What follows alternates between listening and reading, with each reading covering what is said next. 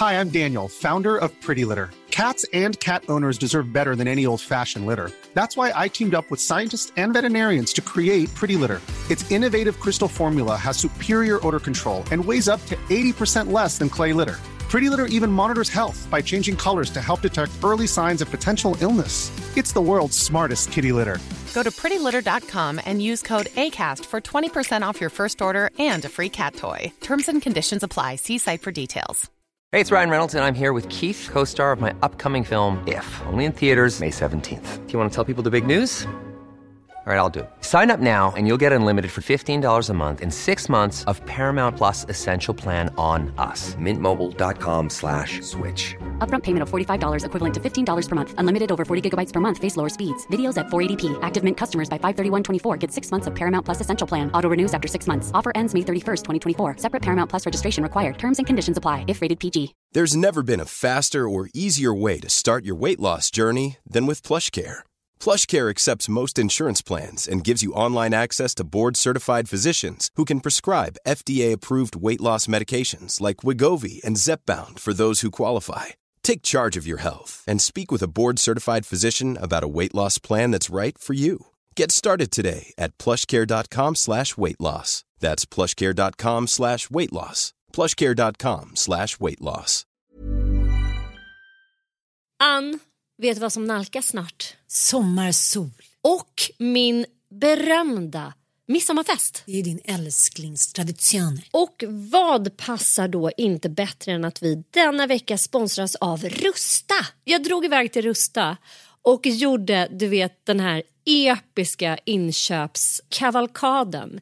Alltså de har så mycket bord, stolar Dynlådor. och det roligaste av allt. lampor. Ja, lampor, mattor. Skakligt allt det rätt. Gud vad man älskar det. För jag måste säga så här.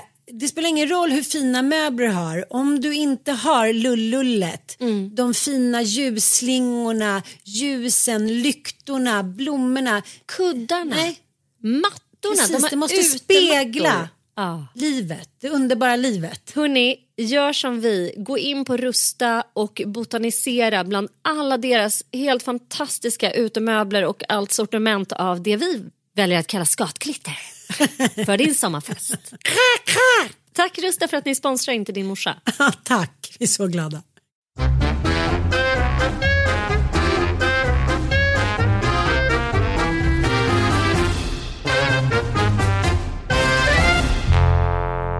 Hej och välkomna till Inte din morsa. Vi eh, är med er och ni är med oss. Mer än någonsin känns det som. Jag tycker vi drar igång med lite tittar, tittaråsikter, vill jag säga. Med några eh, lyssnar-DMs. Ja, alltså vi älskar ju att ni skriver till oss. Både på vårt Instagramkonto Inte din morsa där ni är flitiga och vi är inte jättebra på att svara där. Men eh, vi ser er, vi läser er, vi hör er. Och vi har ju haft lite olika debat, debatt, debattörer senaste tiden. Bland annat hur man, hur, vi har frågat hur ni har eh, hemma i bingen eller var ni nu sexar någonstans. Förra avsnittet pratade vi eh, om att inte behöva vara en perfekt mamma eller perfekt förälder för att få skaffa barn. Och eh, jag kan väl ta från en kille faktiskt där. Han ville vara anonym. Han har skrivit om sitt och sin frus sexliv. Jag och min fru har varit gifta strax ett år och har en son på tre och ett halvt år. Vi har sex en gång varannan vecka. Vi försöker att ha förståelse för varandra och respektera att vi utarbetar det. Det är svårt att få till det. Så fort man nattar sonen så somnar man själv. Skratt, skratt. Men vi är ändå alltid sams och kommer bra överens. Det finns en stor respekt. Tack för en fantastisk podcast. Jag 37, hon 33. Ja men ändå så här, ja. Man, man behöver liksom inte guilt-trippa varandra för att man är trött. Man visar respekt.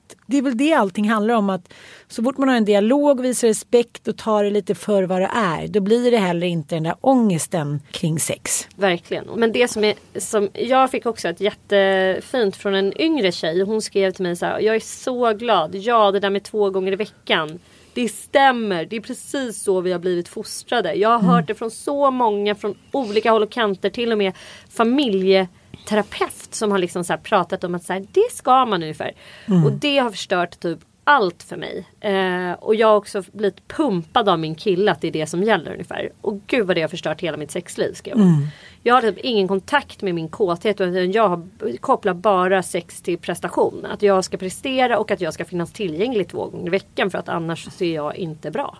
nog. Och det, det var liksom lite det jag ville komma åt med det påståendet att så här, nej det finns ingenting som är normalt, det finns ingenting som är onormalt, det finns liksom olika, olika typer av lustnivå.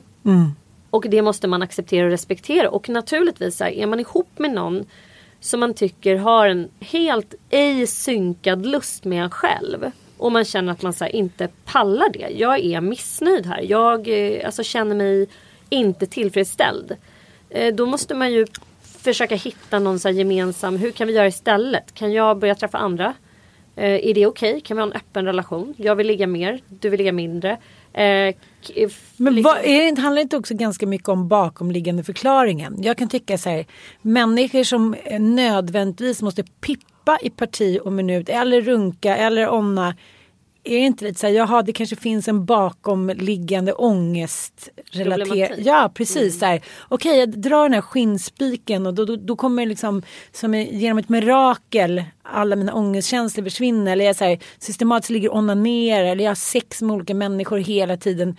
Jag, jag, menar, Det är tror, ju ångestreducerande. Det är Ja, liksom det är ingenting- klart. Ja, Det är det är många som så här, Det är bra, man mår- bra av sex. Ja, alltså man mår bra av sex precis som man mår bra av träning. Det sätter igång kroppsegna endorfiner. Om man har bra sex. Det Mm, Ja. kan också vara jävligt alltså, vidrigt att ha sex om man inte... Alltså, det sätter ju bara igång en känsla av att man har kört över sig själv och att man Mm. har... Alltså man blir dränerad av det. Det är ju fruktansvärt. Men jag tänker så här för min del. Jag, jag håller också med om den bakomliggande orsaken att så här, om man vill ha mer sex än sin partner. Då är det ju ganska nära till hands att börja fundera över. Tycker inte han att jag är het längre? Mm. Eller Och eh, aha, ska jag bara gå runt här som att jag är någon så här typ morsa slash polare slash Mm. syrra till den här heta snubben som jag en gång hade passionerat sex med. Mm. Då vill inte jag längre. Men får man reda på det och säga jag tycker du är ashet men jag eh, är bara helt slut. Då kan man ju vara trygg i det. Men jag tycker Men- ändå att du är åtråvärd. Ja, liksom. men jag tycker att du har kommit, du är någonting på spåren där. För att jag eh, pratade med en kompis som bor i en annan stad. Och eh, jag tycker ofta mina väninnor eller så här, kvinnor man pratar med återkommer till att deras män inte tar på dem. Liksom dagligdags. På ett organiskt och självklart sätt. Utan det är så här, okej det kan hånglas lite och det kan liksom klappas lite när det ska pippas. Men annars så kan det, alltså säga att, att, att de saknar så mycket det här vardagliga. Eller liksom krama om eller klapp på armen eller en liten kyss eller en liten dask i rumpan kanske fel uttryck. Och eh, en kompis till mig, jag, tycker det här eh, var väldigt spännande så jag tänkte att jag kanske skulle testa det då tills nästa podd. Och eh, hon har alltså varit hos en eh, beröringsterapeut typ.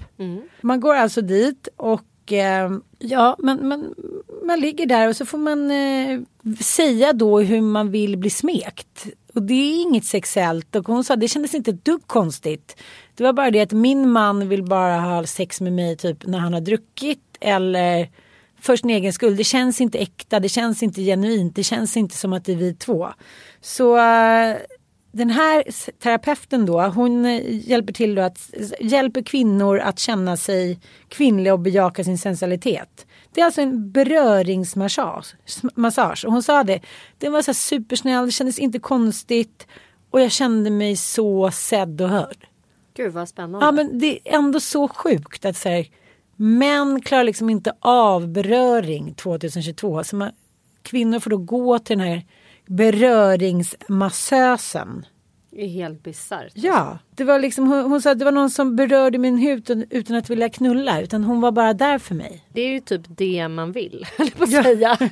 ja men jag menar det och det, det är lite som man pratar om att man kanske först ska börja och ta, ta bort ordet förspel från liksom svenska ordboken. För det är så här, okej, nu ska min kille ta lite på mig, suga lite på tuttarna, pullerulla lite så att jag ska bli våt så att vi kan knulla. Och sen när jag har kommit, då ska knullet vara klart. Så jävla sjukt. Ja men förspel, vad, vad, har, det, vad har det annars för, för liksom syfte än att snubben ska komma? Ah, jag tycker i alla fall att det är lite sorgligt. Jag fick också ett eh, väldigt intressant litet DM angående att vara projektledare i familjen. Mm. Hej, ni bad om goda råd angående projektledande i familjen. Kanske lite trist. Men jag lämnade min man efter 15 år och bestämde för att testa tjejer istället och se om det blir bättre. I am never going back. Det är precis som man tror att leva med tjejer. Allt bara flyter. Vad lägger logistik och planering? Det står mjölk i kylen och den gemensamma to-do-listan skapas tillsammans och bockas av. Någon har tvättat och beställt flygbiljetterna. Det är magiskt. Färska snittblommor på bordet. Någon sa, gud jag får nästan Ja, eh, gud, jag bara. I'm going there. Någon som vill gå ut i skogen på lördag morgon, ingen fotboll på tv, en massa annat förstås. Men totalt sett är det otroligt jobbigt att leva med, med män på just Just på grund av den invanda projektledarrollen. Jag kommer aldrig gå tillbaka trots att jag attraheras av män. Så jag tror man ska hänga mycket med kvinnor även om man behåller sin kar. Planera med dem, resa med dem. Sen får karlarna liksom hänga med. En kollega till mig, en äldre finsk kvinna, psykiatriker, lyssnade, lyssnade på mig när jag grät. När jag skulle lämna min man. Och jag sa att han liksom inte förstår mina känslor. Jag når inte fram. Hon skrattade och sa på finsk svenska. Men, män ska inte förstå känslor. Det har du dina väninnor till. Män ska sitta i ett hörn, hålla käften och gå ut och hämta ved när brasan slocknar. Jag tror hon är rätt. Man bara, Ja, men nej, ja, men- grottan ringde och ville ha typ alla så här grottmän in i samma grotta. Men egentligen så tycker jag att kärnfamiljen är ju, alltså det är den rådande så här, formen för samlevnad i stora delar av i alla fall västvärlden. Och sen i, i andra delar av världen så finns det ju storfamiljer liksom som fyller någon annan typ av funktion. Men jag funderar på så här, om jag fick välja och bestämma över mänskligheten, hur skulle man, leva då? Om du var Gud. Om jag var Gud, eh, president, då skulle jag bestämma att tjej, kvinnor, alltså väninnor skulle leva i familjeliknande konstellationer. Och sen fick liksom män komma och gå eh, i det. För att eh, som sagt har man svårt med attraktion för kvinnor. Liksom. Jag skulle sa- sakna sex med män och jag skulle sa- sakna manliga energier. Och vad är det då? Eh, är det bara kulturellt skapat? Typ att män ska gå ut och hämta Men ved du har ju inte ens bastu, testat typ. sex med en kvinna så du vet ju inte ens om du skulle sakna sex med män. Nej men så pass mycket vet jag att jag tycker om sex med män. Ja. Att jag i alla fall skulle så här, ha svårt att avstå det. Ja, det är sant. Jag skulle inte liksom... Strap-on skulle inte räcka. vet inte. Får väl testa. Men jag har aldrig haft någon attraktion till kvinnor. Alltså jag har aldrig varit så här. Åh gud, jag är, känner pirr. Jag ser en snygg het tjej. Jag har faktiskt inte gjort det. Och, eh, men det kanske kan uppstå om man bestämmer sig för det. Jag följer ju en del kvinnor som är, är, eh, sam, alltså, som är, är lesbiska. Och som en av dem som jag följer, hon har ju valt att bli lesbisk. Av liksom feministiska skäl. Och hon bara, det går alldeles utmärkt. Det, det går alldeles utmärkt liksom. Och jag ångrar inte en sekund. Det bara öppnade upp en hy- helt ny värld för mig. Och det verkar ju vara lite grann som vår lyssnare också. Alltså ja, nej jag tycker det låter helt underbart. Fy fan vad härligt. Och att det inte heller blir liksom att det inte blir något stopp varje gång man ska göra någonting som är vardagssyssla. Utan det är bara så här cirkeln bara ding ding ding Ja. ding. Någon som För att man av. känner ju liksom, man känner ju vad kvinnor har för behov. Mm. Och nästan nu ser jag på henne att hon är trött. Just det, apropå det, jag har en liten present till dig. Nej men, vad är det här nu då? Jag tänkte att du skulle här? ha det. I ditt, Vi öppnar en present nu. ja, i ditt lilla sovrum. Oh my god, nej vad Jag tyckte det var så vacker färg. Ja, gud vad härligt. Ja. Åh vad fint. Jag har alltså fått ett doftljus i lila. I en så här helt som pastellila. Det känns som Ja. att Margot Ditz skulle kunna ha det Ja, i sin ja. våning. Det, det är ju rejäl, en rejäl drottning. domning. Ja, En den är rejäl. Fy fan vad, tack älskling. Varsågod. Vad snäll du är. Jag behövde verkligen en present. Ja, jag vet. jag Ja, kände att du behövde tack. det. Det var därför jag var lite sen. Men jag tänker också att det att man är så van vid att män inte visar sårbarhet heller så att man har nästan gett upp lite. Och så satt jag på en middag för ett tag sedan och så säger en faktiskt en av mina bättre manliga vänner han var så här ja men jag har ju alltid känt att min snopp är liksom min balle den, Nej, den är lite för liten tycker jag. Alltså. Där känner jag att jag har lite mindervärdeskomplex eh, med domningarna. Liksom. Där var det så här, jaha, okej, eh, du tycker din kuk är för liten? Så här, ja, eh, jag har ju inte sett den så här, men eh, den är säkert bra. Liksom. Jag blir så Det är inte varje dag man hör en man säga så. Nej! har man det är typ aldrig hört en man säga. För det Nej. ska ju jävligt mycket till att för en man att ägna sig åt eh, skoningslös kritik av sin kropp. Precis, och av sin snopp. Ja gud ja, Ja. inte minst. Nej, så att det var lite så här. Jag tänker att kvinnor kan ju verkligen kritisera liksom, sina kroppar och ja, men allt vad det nu är, utseenden och fram och tillbaka. Men, men jag tror att det är många män såklart som också känner att de har komplex för massa saker men man håller, liksom, håller det inom sig och då blir det ju också att när man väl då ska ha sex eller liksom träffa någon ny tjej då, handlar om, då är, tror man ju fortfarande att, så här, att man måste leverera för att det är den typen av man man är. Då tänker jag så här, sätta mig in i den situationen att själv tycka att man har, kanske inte kan jämföra att jag säger oj jag, jag, jag är väldigt rymlig på det rullig. Alltså så här, det har ju, ja men det blir inte samma sak. Nu har jag i och för sig sytt ihop det.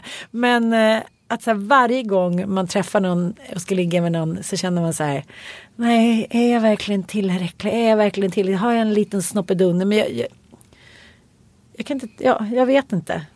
Jag tyckte i alla fall att det var lite roligt. Jag var så oförberedd för han är ganska macho. Så jag, vet, så här, jag tänkte så här, ja vi sitter och pratar lite om allt möjligt och komplex och sådär. Och, och så kom den där. Jag tyckte det var väldigt eh, spännande och lite attraktivt. Förstår du? Ja, verkligen. Ja. Alltså alla människor som kan erkänna sina svagheter och vågar lyfta upp dem och langa fram på bordet. Som inte omedelbart drabbas av en så pass stor skam att man ska stänga in allt och låtsas alltså ägna sig åt försvar. Dels tycker jag det vittnar ju om en mognad. Vilket är sjukt attraktivt. Och eh, sen vittnar det ju om också någon typ av sån Alltså om man nu kan säga det, hur jävla brydd är han egentligen? Ja det är kanske sant i och för sig. Men, Ja. men när jag satt på en annan middag så var det en bekant som sa så här. Ja, jag har ju ganska rejäl liksom så det har ju varit ett problem för mig. Jag var så här, och hans fru var så här. Jaha det har det varit. Eh, ja. Jätte, absolut, superproblem. Världens största balle typ. Absolut. så, ja, tyckte bara att, att det var ja, det är Ändå kul väldigt spännande tycker jag att du hamnar i samröre med olika män som vill berätta om sina penisar. Ja, ja. Det är inte så att du känner dig eh, kränkt av det? Som att du får en dickpic? Nej, nej, men, i nej, men alltså, vokal form? Men båda gångerna så var det ju att vi var ett större gäng. Aha, som har diskuterat Ja, liksom, ena olika- gången så var vi, så här, var vi hemma hos någon och liksom satt lite i sofforna. Andra gången var det runt en middag. Det kanske Ja, handlar mer spännande. att, att jag skapar en atmosfär som är öppen. Ja, öppenhet. Du är känd för det så det är det troligtvis. Ja, vad har du fått för härligt i din Ja, men jag har ju postlåda? fått i min postlåda olika typer av reaktioner på eh, den perfekta modern. När vi liksom lyfte den här lite, mm, ska man säga, Britney Spears är ju gravid igen och det pratade vi om i förra podden. Ja, och då, bör, då hade vi också en, ett resonemang kring eh, hur perfekt och vid god vigör eh, man måste vara för att lämpa sig som förälder. Och det jag på något sätt vill röra om lite grann i grytan och det är liksom en stor del av hela min mitt värv när det gäller medberoende, beroendesjukdomarna och psykisk ohälsa. Att så här, en stor anledning till att barn till människor med psykiatriska diagnoser lider det är för att det är skam och tabu kring dem och för att de här personerna inte får samma hjälp med sina sjukdomar som personer som till exempel har ett fysiskt handikapp eller en, en allvarlig fysisk sjukdom som till exempel MS eller alltså man kan vara rullstolsburen, man kan ha liksom en ryggmärgsskada som gör att man inte... Alltså man kan ha kroniska smärtor. Det finns så många fysiska tillstånd där vi aldrig skulle ifrågasätta föräldrakompetensen. Nej, jag fattar, jag Alltså fattar. så här, nej, man kan ju inte liksom ifrågasätta en kvinna som har eh, typ råkat få MS om hon är en, en bra förälder eller en, en förälder bra nog eh, för att bli mamma. Liksom. Men har man en psykiatrisk diagnos och det här grundar ju sig i en lång och vidrig tradition av tvångssteriliseringar i vårt land. Och jag tog ju också upp det här därför att jag har ju på riktigt överhört diskussioner. Så här, det hör jag ofta när man pratar om beroendesjuka. Så här, men fan, vad fan man skaffat barn då om man ändå ska supa hela tiden. Och man borde inte få ha barn när man är alkis. och Man borde inte få ha barn. Det finns ingen hejd på hur hatiskt man uttrycker sig kring personer som har vissa typer av diagnoser. När det gäller beroendesjuk- eller psykiatriska diagnoser som då ska vi inte glömma att hade du bipolär sjukdom eller som det hette då manodepressiv sjukdom som när Kerstin Thorvall var liten. Då var du ju belagd med äktenskapsförbud. Alltså lagstadgat fick du inte gifta dig för att inte kunna pr- reproducera dig. Och eh, hade du legat, varit inlagd tillräckligt många gånger då rekommenderade man ju tvångssterilisering så att inte dessa gener då. Eller vet- lobotomering. Ja precis, eller både och. Ja. Typ söva ner och köra hela skiten. Och, och, och det, här, det här är ingenting som mänskligheten har så bestämt sig för att det här gjorde man inte för att straffa utan det var så här, nej men det här generna det, det är bra om man inte för dem vidare. Och nu Mm. lever vi ju återigen i ett samhälle där vi pratar om gener väldigt mycket. Och jag menar nu finns det ju bröstcancergener. Ska man inte få skaffa barn då? Alltså förstår du vilken Ja, filosofisk ja, ja. stor fråga. Ska du som har ADHD, är det bra verkligen för dig att skaffa barn? Så det vete reproduce- fan. Nej, men, Nej men jag förstår, förstår vad du du? menar. Du som ändå har en Vem- diagnos, kan Ja. du så här, tänka någonting? Alltså som, kommer du ihåg Ja, Åsa. Göiken som vi träffade Ja. Mm. när vi gjorde Djävulsdansen? Hon hade ju en bror som var schizofren och hon var forskare i, i, inom en schizofreni med medicinering och sådär. Hon har en bror. Hon har en bror. Ja. Eh, ja, ja, hon har en bror. Han lever i allra högsta grad. Han är en fantastisk konstnär. Men eh, han heter Mats Göiken för er som vill gå in och titta. Mm. Tror jag. Eller hette han ett annat efternamn? Hon kanske var gift. Skitsamma. Åsa Göiken. Eh, G-E-U-K-E-N. Hon har gjort massor för forskning kring schizofreni, medicinering kring schizofreni. Hon är så engagerad. Hon Mm. är en fantastisk människa. Men jag kommer ihåg att vi blev lite chockade när vi gjorde Djävulsdansen. För hon var så här, nej jag har valt bar- bort barn. Mm. Jag vill inte riskera för hon har ju samma så att säga arvsmaterial Mm. som hennes bror. Hon har inte utvecklat schizofreni men hon vet att det finns en jättestor genetisk sårbarhet och för henne så har det här varit ett enkelt val och jag var bara så här What? Mm. Och det kanske det är om man också har en jätteallvarlig då bröstcancer eh, genetik liksom, som är ärftlig. Då kanske man också börjar tänka, ska jag verkligen skaffa barn? Jag vet inte eftersom jag inte själv har det. Däremot så har jag ju beroendesjuka föräldrar. Jag har själv varit i den diskussionen. Min mamma var bipolär, pappa var eh, är alkoholist. Och eh, det här är två genetiskt kopplade sjukdomar. Det är en jättestor ärftlighet och en stor risk för liksom, att utveckla dem. Ska jag skaffa barn? Är det verkligen bra? Liksom? Och eh, jag fick då eh, lite grann, för jag menar ju på att så här, jag tycker absolut att man kan skaffa barn om man är bipolär. Jag tycker absolut att man kan skaffa barn om man har eh, en beroendeproblematik. Så länge man tar ansvar över de här sjukdomarna och ser till att de inte eh, skadar sin avkomma. Jag fick ett eh, meddelande här från Lotta för hon ville liksom också säga först och främst stort tack för eh, klokskap i alla i olika poddar. Lyssna troget. Jag vill nyansera bilden lite på hur det kan vara att växa upp med en svagbegåvad förälder. En tidigare arbetskamrat och numera också vän växte upp med en normal pappa och en lätt förståndshandikappad mamma. Uppväxten var inte en dans på rosor. Kärlek fanns det massor av men vännen har lidit fruktansvärt av sin mammas brist på struktur och allmän förmåga att se och spegla henne. Det har saknats empati och inlevelseförmåga, gränssättning och allmän omsorg. Inte av brist på kärlek utan av okunskap och liksom ett lager som har fattats. I stora delar av uppväxten har mormor tagit hand om min vän. Tyvärr försvann väl pappan påpassligt när det gick upp för honom vilket tungt ansvar som lades på honom. Det var ju inte heller det föräldrateam man så väl behöver. Alltså de var inte heller Nej, det föräldrateam. Mm. Mormor har gjort sitt bästa utifrån ålder och förmåga och jag håller med om att det är fint att alla ska få skaffa barn. Men frågan är hur barnen har det och för vems skull man sätter barn till världen. Det lilla barnet kräver inte så mycket. Närhet, mat och en torr blöja, det fixar de flesta. Men under uppväxten och i tonåring så räcker kanske inte alltid den svagbegåvade till. Ett stort ansvar och väldigt tungt för barnet.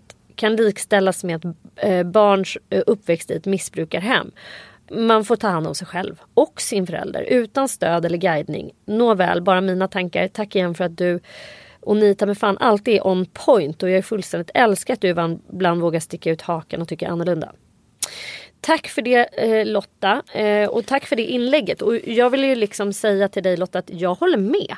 Jag håller med i båda spår. Och jag själv har ju som sagt vuxit upp med en mamma och en pappa som har brustit i sitt föräldraskap så det bara står härliga till. Men jag önskar ju inte att jag inte hade blivit född. Jag är jätteglad att jag fick eh, ha min mamma som mamma. Jag hade aldrig velat byta henne mot en annan mamma.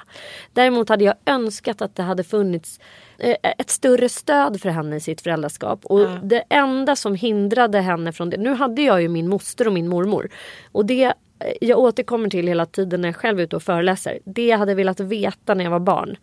Det var att eh, jag hade blivit informerad om vilken typ av sjukdom min mamma hade och varför hon var som hon var. Och sen eh, att det inte skulle vara hysch kring det. Det är det enda som hade krävts. Stödhem, skulle du alltså ha en Nej, stödperson? nej men jag hade ju stöd. De flesta familjer, det ska man också veta att så här, vi stirrar oss blinda på det här med eh, familjehem, familjehem, familjehem. Men de allra flesta har faktiskt hjälp ifrån eh, mostrar, morbröder, farbröder. Oftast så, de familjehem som är det är oftast en morbror eller en moster. Det är väldigt sällan man placerar ett barn i en så helt okänd eh, familjehem som inte har kopplingar. Men hade, om, du tänker, om du hade fått välja att göra om historien. Hur Mm. tänker du? På vilket sätt tänker du att din mamma kunde ha fått stöd? Kunde det ha kommit dit någon ett par dagar i veckan? Hjälpt till att handla och städa och hjälpa er med läxor och se Det hur var, hon inte mådde? hennes, nej, det var inte hen- hennes problem. Jag önskar däremot att min mamma hade fått eh, ha en tidigare kontakt med psykiatrin. Så att Mm. hon hade kunnat förstå sin sjukdom bättre och medicinerat tidigare för den.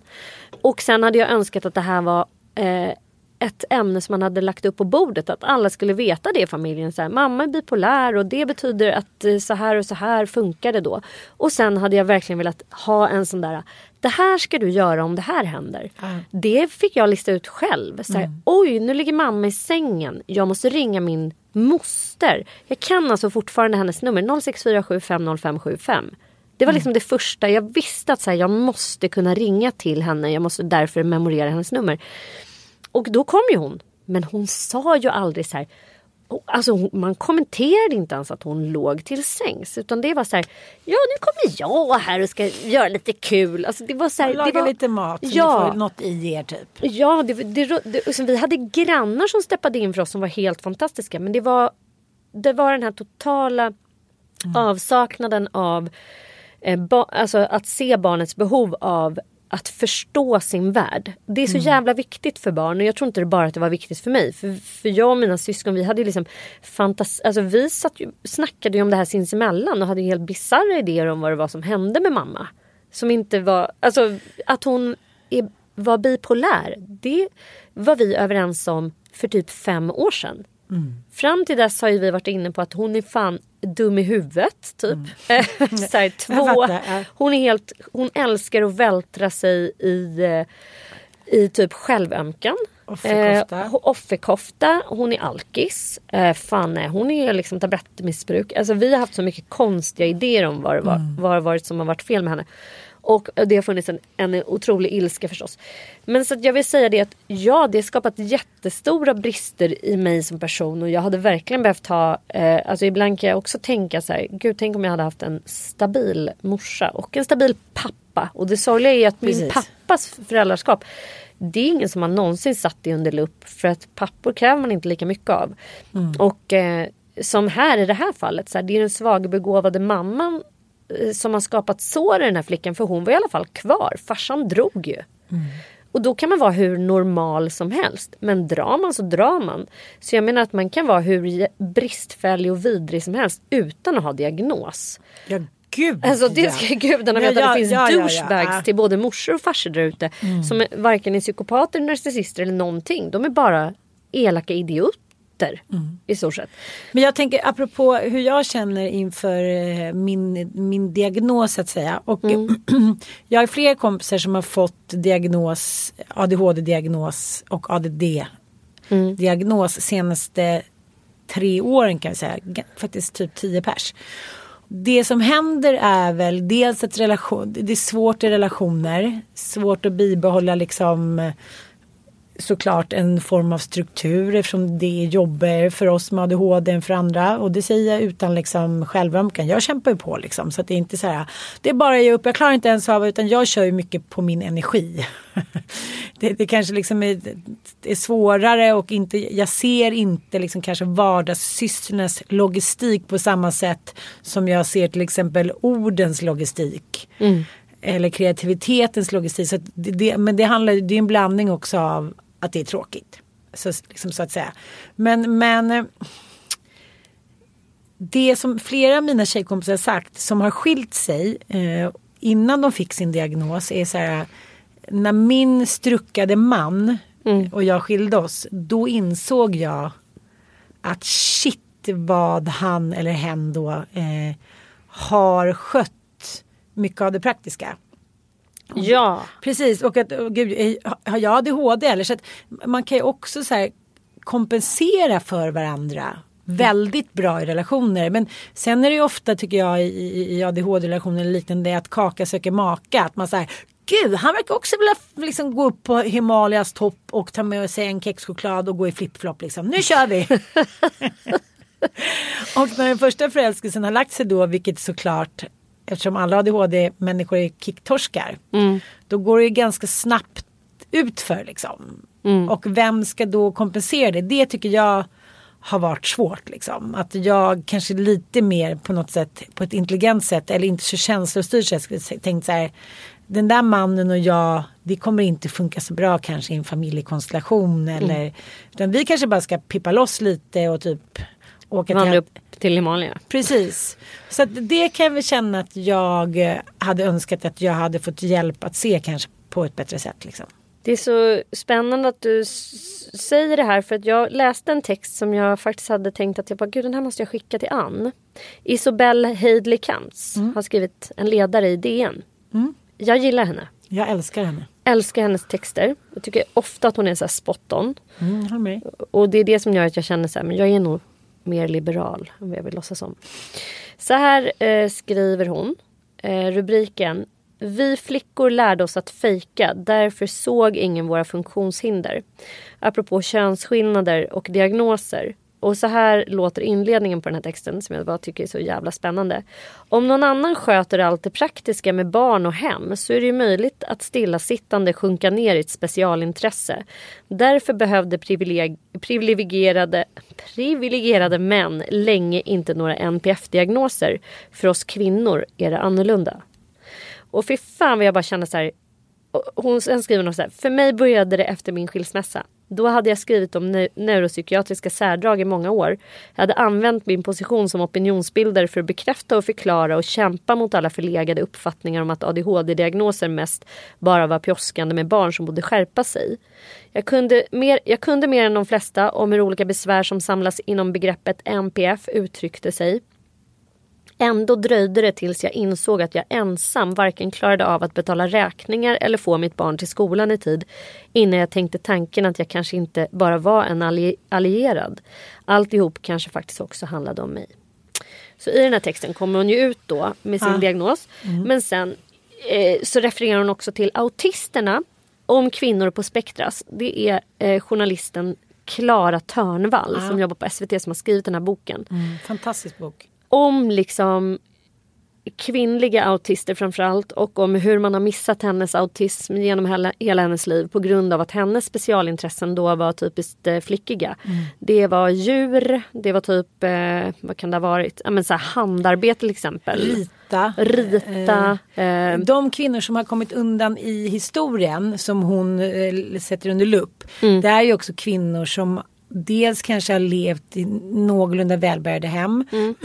det har varit ganska hög höjd på mm. toleransen och liksom, att säga, man inte är hundraprocentigt arbetsför. Liksom. Precis, precis. Och det sa också en av mina kompisar som fick diagnos som förvånade mig väldigt mycket. Hon sa så här, jag tänker på det i min familj, det är aldrig någon som har varit dömande, det är aldrig någon som har gett en, ett könsprefix till exempel. Så här, du ska vara tjej eller killig. Så när jag då träffade min man som är verkligen är så här, ordning och reda, nu ska betala räkningar räkningarna och nu ska vi fixa här i trädgården hit och dit. Så kände hon så här, men gud vilken ordning och reda. Och så här, han bara, men gud du är helt, ska inte du kolla om du har ADHD? Hon bara så här, va?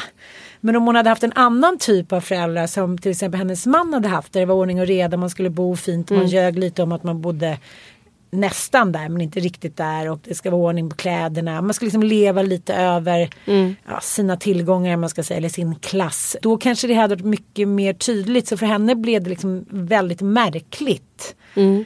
Att inse sig, jaha det, det kanske berodde på det liksom eller att för det jag kan känna i att jag är väldigt nära hela tiden till den här frihetskänslan. Att säga okej okay, jag drar. Eller då gör vi det här roliga först. Eller så här, då bränner vi pengar. Så här, vad tog räkningarna vägen? De har försvunnit.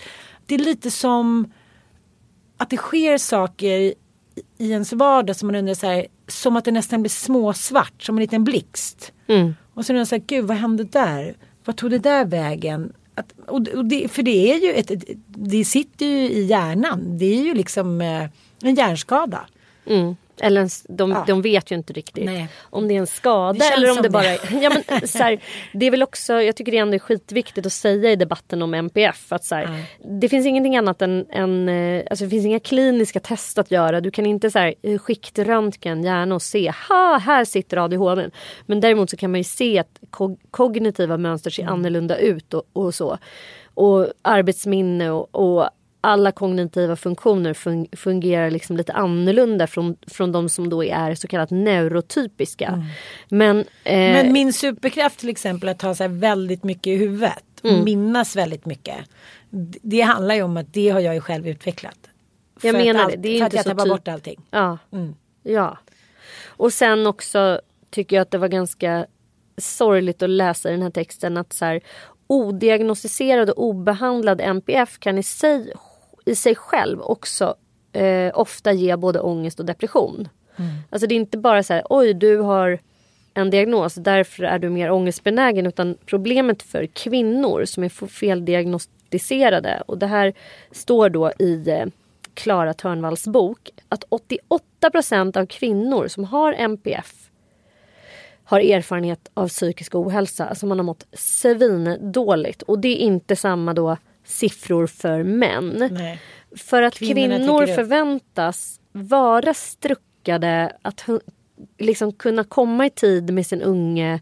Alltså det förväntas mycket, mycket högre Mm. nivå på vårt eh, föräldraskap.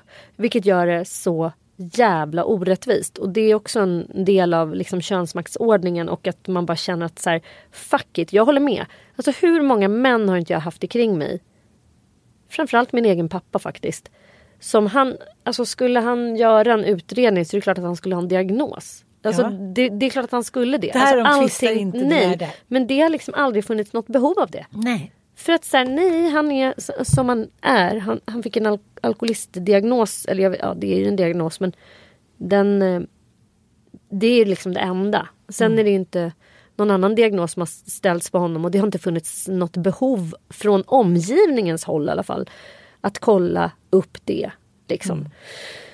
Hur som helst, jag tycker att den här diskussionen är skitintressant och den är inte helt... Jag förstår att man kan vara så jävla provocerad som barn till eh, en person med någon av de här sjukdomarna som har fått lida brist under sin barndom. Att man bara känner så här, fuck it, ni borde inte ha skaffat barn. Ni skulle bara liksom så här, eh, skär, alltså, kuttat äggledarna och spermieproduktionen. Och så, så, så att vi hade sluppit växa upp mer. Jag känner inte så. Nej. Trots att mina föräldrar har haft väldigt stora brister i sitt föräldraskap så skulle jag inte vilja skylla det enbart på diagnoserna utan på tidens tand och på den jävligt sjuka eh, fördomsfulla inställning kring de här MPF. Och sen på, självklart på patriarkatet. Alltså min mamma stod ju ensam i sitt eh, föräldraskap med tre barn. Och eh, hade hon haft en så stabil struckad kar hemma som hade typ lagat frukost till henne och tagit oss hela och rena till skolan. Då hade vi inte upplevt hennes Nej, sjukdom nej. som besvärande. Nej. Hade jag, då hade jag aldrig behövt lära mig min mosters telefonnummer utan till. Och det är därför också ett samhälle blir så sårbart när, eh, när kollektivet liksom utplånas. För det som har hänt är att många familjer under liksom Ja men vad ska man säga, svensk historia så har ju barn klarat sig bra ändå ens, med ensamstående mammor för att det har funnits mormor och farmor som du säger och faster och moster väldigt väldigt nära. Så att det har funnits människor, det har liksom inte varit utkristalliserat att det var mamma och pappa utan det har varit en kollektiv familj. Ja och sen har ju, alltså vi i Sverige har ju så här, jag tycker också att det finns någonting absurt i det för vi, vi har ju skapat ett samhälle där vi ska inte behöva hjälpa varandra för vi betalar jättehög skatt och då ska staten be, bekosta det här. Så har du ett barn med MPF då är det liksom så här. Jag betalar världens högsta skatt. Skolan ska komma in. Skolan ska göra det. Skolan ska göra si. Och sen ska också SOS kliva in. Habilitering ska kliva in. Mm.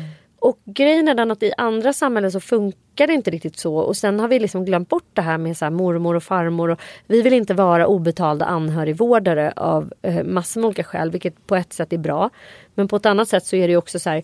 Ja då har man liksom lite grann glömt bort så här, gruppens funktion. Mm. Alltså, du brukar själv säga det så här, fan, it takes a village to raise a child. Kan, inte, kan vi inte bara liksom öppna våra dörrar i lite mm. högre utsträckning? Och jag menar, jag har ju en flicka som jag har den stora äran att ha hos mig. Eh, hon rider hos mig och hon, hon, har en häst hos en av mina hästar som hon hjälper till att ta hand om. Hon har flera diagnoser och hon kommer från ett vad ska man säga, ett ganska tra, trasiga omständigheter. Hon har själv varit familjehemsplacerad. Eh, och jag pratade lite grann med henne om det och frågade så här. Och hennes största skräck. Det är att bli familjehemsplacerad igen. Och det är inte för att hon har varit på något dåligt ställe. Men hon vill bara inte det. För hon, hon tycker liksom det är inte hemma. Hon kan inte riktigt förklara varför. Men hon är så här, och då har hon ändå varit familjehemsplacerad. Hon kan tänka sig att vara det hos någon hon känner. Ja. Men inte att så bara plockas från sitt sammanhang och så sätta sig någon helt Nej, anonym fattar. familj. Hon tänk får sån själv. ångest av att tänka. Ja, tänk själv ja. bara, nu ska din väska packas. Det ska mm. bara så här, du får Vi inte vara med inte, och välja den här familjen. Elisabeth och Hans. Mm, de, de är som bra lärare och mm. eh, I Upplandsbro. Typ Tågvagnskonduktör. Ja, men du vet att, och det är så här, som barn har du liksom så lite att säga till om i, i ditt liv. Så att då ska du också, du får aldrig vara med och bestämma över vart du ska hamna. Utan du ska bara vara tacksam att du får hamna någonstans. Så för henne är det fullständigt otänkbart. Och jag tänker så här, men gud, hur, hur ser hennes liv ut? Hon har ingen farmor eller mormor som är insatt. Hon har ingen eh, riktigt så nära släkting som, som stöttar upp. Men hon har ju massor med så här, hennes kompisars föräldrar. Mm. Som är hur bra som helst med henne. Mm. Jag vill inte slå mig själv för bröstet men hon är ju hos mig. Mm. Vi har ju lärt känna varandra genom hästarna. Det finns inget, har aldrig funnits någon, något uttalat så här, nu ska jag hjälpa dig utan hon hjälper ju mig mm. med mina hästar. Mm. Men vi är ju med varandra hela tiden. Det finns liksom nätverk som inte handlar om att så här, det ska anmälas till SOS och det ska liksom utredas och det ska göras på olika sätt. Hon har ju bara negativa erfarenheter av det. Mm. Och jag, jag vill inte hetsa mot SOS här för det tycker jag är jättedumt. Det finns de som har superbra erfarenheter av SOS också. Och eh, jag har liksom... Jag, jag tänker bara att det måste få vara dynamiskt och det måste finnas olika sätt att stötta upp. Och jag tycker också att det som sagt ju mer man vågar lyfta de här grejerna. För det är ju skitmånga som också har kommenterat så här, ah, det pratas alldeles för lite om psykisk ohälsa. Man vågar typ inte berätta att man är deprimerad nej, nej. för då är man så rädd att man typ ska bli nagelfard av SOS. Eller mm. att så här, gud, det är jättemånga som är, 40% av alla kvinnor kommer någon gång bli deprimerad. Så då har man ju per, per definition en psykiatrisk diagnos. Och liksom, det finns Nej, så det många som är bristande i sin föräldraförmåga mm. under någon del av ens liv. Precis. Ingen är perfekt nej, hela tiden. Ingen är det. Och så här, nej, eh, nu kommer jag säga något jättekontroversiellt som folk kommer liksom kunna hata mig ihjäl mig för. Men typ om du har bröstcancer mm. och genomgår en bröstcancerbehandling då brister du också i din föräldraförmåga. För du kommer liksom gå igenom värsta livskrisen. Du kanske inte alls kommer ha tid med en unge som kommer och gnäller och kastar sig kring ditt ben. Du kanske inte alls klarar av att vara så här stoisk. Du kanske blir älskar. lämnad. Vem är stabil förälder då? Ja, vem är stabil då? Vem är stabil när man har typ så förlorat jobbet eller det gick åt helvete? Så här. Det kan finnas så många omständigheter som gör att man inte Och alla är... kvinnor som, som har problem med också med, med en ätstörning. Ja. ja är de perfekta är de perfekta då? Nej det går inte Förebilder. att döma. Och det passar så väldigt bra in som en liten brygga på dagens lilla filmklipp som jag ska läsa upp. Som jag tycker känns väldigt viktigt att förmedla just nu. Mm. You don't have to be rich to be a humanitarian. But it starts with your neighbor. The person right next to you. The person sitting next to you in class. The kid down the block. You just do whatever you can to help in any way that you can. And today I want to challenge each of you to make a commitment to help one person, one organization, one situation that touches your heart. Jag tycker det ligger någonting i det Rihanna säger att man har faktiskt ansvar som medmänniska att hjälpa någon. Alltså Mm. inte bara stå och sitta på eller säga det där går inte liten och ditan. Och jag fick, eh, så lustigt idag fick jag också en tråd av en tjejkompis. Hon var så här Hej ladies, har precis pratat med min favoritmålare XXX. Hon är från Ukraina och därmed otroligt påverkad av allt elände. Hon är på riktigt ett målargeni. Hon bad mig kolla runt efter extra jobb. Om ni behöver hjälp med målning. Kan vara som helst. Kan en altandörr, fönster, barnrum. Hojta till så sätter jag ihop er. Hon kunde redan på lördag, söndag om det är fler i gruppen som vill det. Puss på er. Om det är fler i gruppen med ADHD. Puss på er. Och nu är vi liksom, av den här gruppen är det av tio kvinnor så är det fem. Och jag tänkte så här, gud, jag, min toalett. Eh, jag behöver måla hjälp. Mina, måla köksluckor. En trappa. Alltså, även fast det kanske inte behövs egentligen. Så kan man... Skapa ett tillfälle. Ja. Och jag tycker man säger kan vi inte bara tillsammans använda våra geniknölar och komma på sådana här små. Det behöver inte vara liksom jag måste donera 50 000 kronor eller, Eller jag måste här, åka... jag går till SOS och blir kontaktperson. Alltså det går alldeles utmärkt att bli kontaktperson bara genom att bjuda in en unge som bor i grannskapet. Ja. Det, jag lovar, det är inte särskilt svårt. Skaffa en hund som de kan gå ut med. Det är inte mitt varma tips. Ja, nej tack. Jag har blivit helt botad från eh, hundlängtan.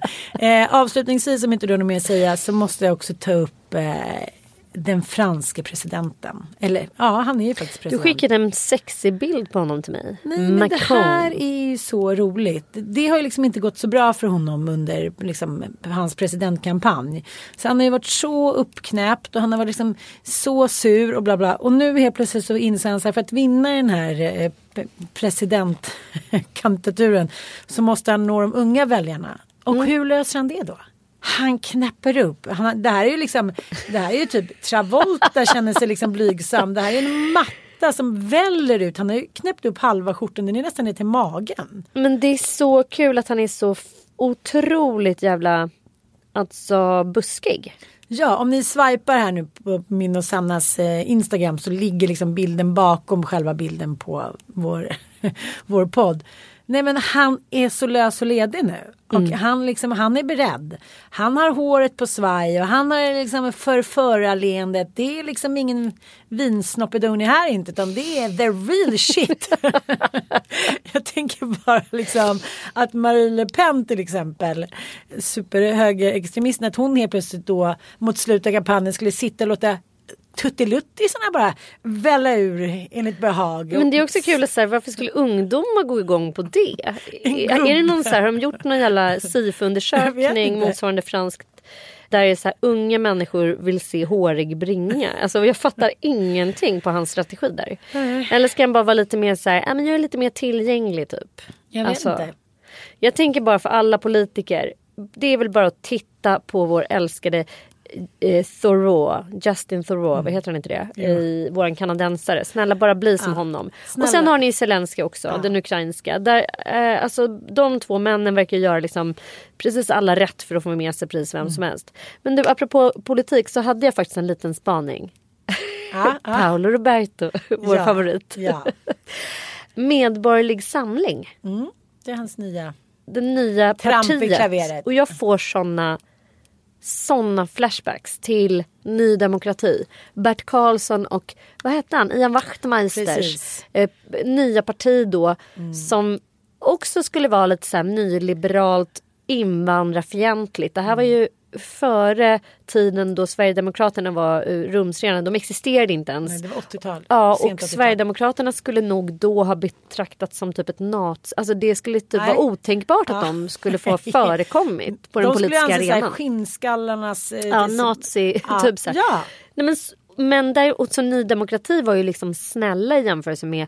De var bara lite invandrarkritiska. Eh, typ m- ville lyfta upp den frågan på bordet. Och alla andra partier rasade kring det. Och ja, Bert Karlsson, det var kändisar och det var liksom lite tuttkänsla. Det var mycket uppknäppt där. galoscherna, ja. Ja, galoscherna. lite, som Macron nu. Macron. Ja, lite så här, oh, vi, vi vilda och vi lite, vi liksom Någon politik hörde de aldrig prata om utan det var så här bara drag under galoscherna och sen fick Ja, man haka på. Lägre skatt, Ja, mindre invandrare, såklart. eh, roligare liv typ.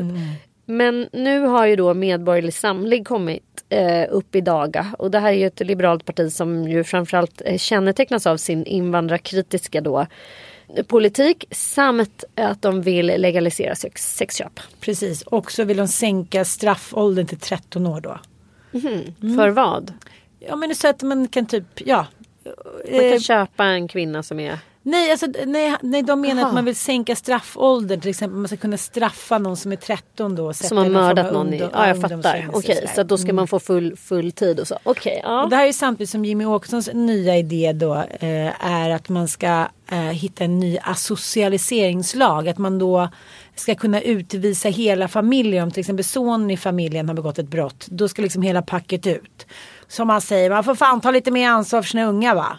Mm, Okej, har, du själv, har du själv barn eller? Det säger, om, om, om de vill liksom ge sig iväg ut på hal is då finns det väldigt lite faktiskt man kan göra. I synnerhet när vi typ har byggt ett samhälle som går ut på att man ska inte behöva ta fullt ansvar för sina barn. Utan det ska skolan och, soci- eh, och liksom andra instanser hjälpa till med om det går åt pipan. Men han kanske vill bort från det. Det vill han väl. Han är väl liksom konservativ. inte den här, och de här vill att- radikaliseringsmännen som säger de blir sårade. De gör bort sig, de blir sårade för att ingen förstår att de inte gjorde bort sig. Att det egentligen var de andras som möjliggjorde det här och de har inte gjort något fel för att. Och sen när de lite så här, börjar bli lite bortglömda och man kanske börjar känna lite sympati. Så här, men nu kanske hen ändå borde få vara tillbaka lite grann. Eller, för vi kanske inte ska hata honom mer. Så här, vem kastar första stenen? Då bara nästa spik i kistan. De har liksom barn, de har, så här, de har jobb, de har ett liv. Varför vill de förstöra så för sig själva? Jag förstår inte. Ja, då vill han då eh, rösta för, för, för det här partiet och liksom, jaha. Det Men det är också ironiskt. Angående då Paolo Robertos, att gå med i ett parti, det kanske man inte behöver vara öppen med känner jag. Om jag nu vore medlem i ett parti så är det in, inte någonting som angår någon annan. Och han är ju inte aktiv i partiets ledning eller vill ha någon bärande position. Ändå ska han vara då Eh, Uttala sig. ska Han och Alexander Bard. uttala sig. Och Alexander Bard ska då skriva eh, så hatiska texter om alla idioter som vill förbjuda horeri. Typ, och så här. Alltså han, han är ju så för eh, prostitution så det fan är löjligt åt det. Men går han själv ofta till prostituerade eller vad är grejen? Han har väl eventuellt prostituerat sig om jag inte minns helt fel. Alltså han tycker liksom att han är en expert på området liksom. Och han menar att, men han är ju framförallt extremt liberal. Han tycker att Alexander var Bard till en ska få-. Alexander Bard Varsågod. Ja, men han tycker att alla ska få, och det här är ju inte en ovanlig åsikt.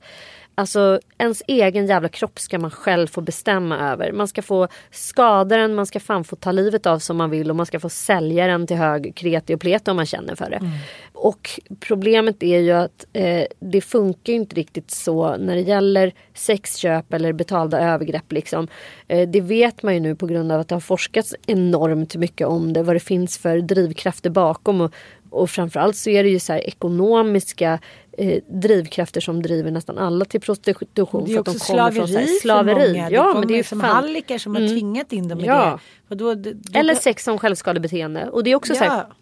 Superprovocerande att säga så. För han Mm. menar ju att det inte finns. Och det här, är inte ett, eh, det här finns, liksom forskningen är inte alls enig om att det här är ett beteende som existerar. Utan det är massa opinionsbildare som har drivit det här med typ Den Caroline Engvall i, ja, och Simon Häggström och alla jävla lallare. Alltså han är ju Mm. stenhård. Men det kan vara rätt intressant att få någon typ av annan eh, bild av det när alla är väldigt rörande överens. Men han är ju galen i alla fall. Men hur som helst, jag vill ändå säga att Paolo meddelade att han ska gå med i det politiska partiet Medborgerlig Samling. Ett parti känt för att vara, ja, som vi har sagt, invandrarkritiskt och legalisera sexköp. Eh, hans kommentar till Expressen är dock eh, Jag är inte för sexköp.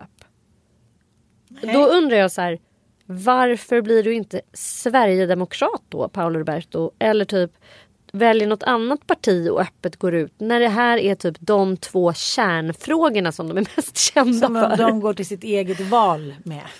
Ja men alltså jag fattar faktiskt inte varför han då bara nej men jag håller inte med om deras kärnpolitiska fråga här. Jag vill ändå vara Men jag vill med. ändå vara med. Och det, jag vill ändå outa det. Ja. Det räcker inte med att jag bara är med. Nej. Jag skulle för fan kunna vara med i vilket parti som helst utan att våra alltså, lyssnare vet om det. Det skulle ju du också. Ja vadå, vad- vadå, som att liksom alla människor i Sverige som går med i ett parti meddelar det via Instagram och säger nu har jag gått med i Centern. Nej, det är klart man inte gör. applås. Det, är liksom, det är ju bara för att provocera och väcka en provokation att så här, Mm. ni ska inte tro att ni ska, liksom ska få in mig i ledet utan vi måste hitta alternativ politik för att ni ska fatta att det, det är okej att gå till horor.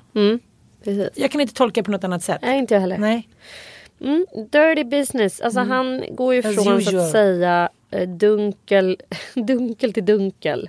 Dunkel. Ja herregud. Jag, jag följer ju slaviskt hans eh, Instagramkonto i alla fall. Det är extremt roande för mig. Jaha, då kanske jag också ska börja titta. Kan man få PT-information? Sjukt mycket PT info. Alltså det är mycket träning där och det är mycket liksom Undrar, pepp och, mm, och sen är det mycket såklart italiensk mat. Det är ju det han livnär sig på nu. Att importera egna då italienska varor som han eh, säljer via en webbshop. Eh, han har och- inte pratat om storleken på sin Pininoppi. Nej, du får bjuda in till samtal. han. Du får åka dit ha en liten Förklaringen till middag. och- allt. Kom in i soffvärmen. Ska vi prata Nobbedonis? Ja, mycket snoppar on my mind tydligen. Eh, det är som vanligt. Eh, tack för att ni lyssnade. Och eh, som vanligt så roligt när ni håller på och hör av er om ditten och datten. Vi älskar det. Ja, puss och kram.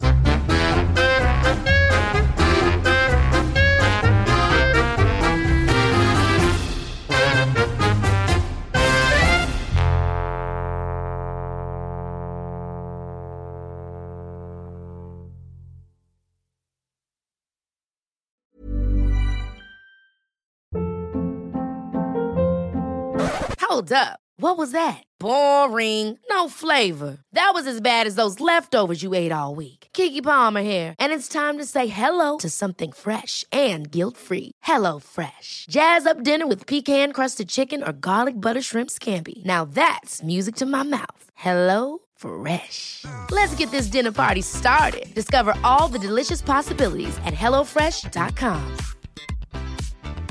Planning for your next trip? Elevate your travel style with Quince. Quince has all the jet setting essentials you'll want for your next getaway, like European linen, premium luggage options, buttery soft Italian leather bags, and so much more. And is all priced at 50 to 80% less than similar brands. Plus, Quince only works with factories that use safe and ethical manufacturing practices. Pack your bags with high-quality essentials you'll be wearing for vacations to come with Quince. Go to quince.com slash pack for free shipping and 365-day returns. Imagine the softest sheets you've ever felt. Now imagine them getting even softer over time. That's what you'll feel with Bowl and Branch's organic cotton sheets. In a recent customer survey, 96% replied that Bowl and Branch sheets get softer with every wash. Start getting your best night's sleep in these sheets that get softer and softer for years to come. Try their sheets with a 30-night guarantee. Plus, get 15% off your first order at bowlandbranch.com. Code BUTTERY. Exclusions apply. See site for details.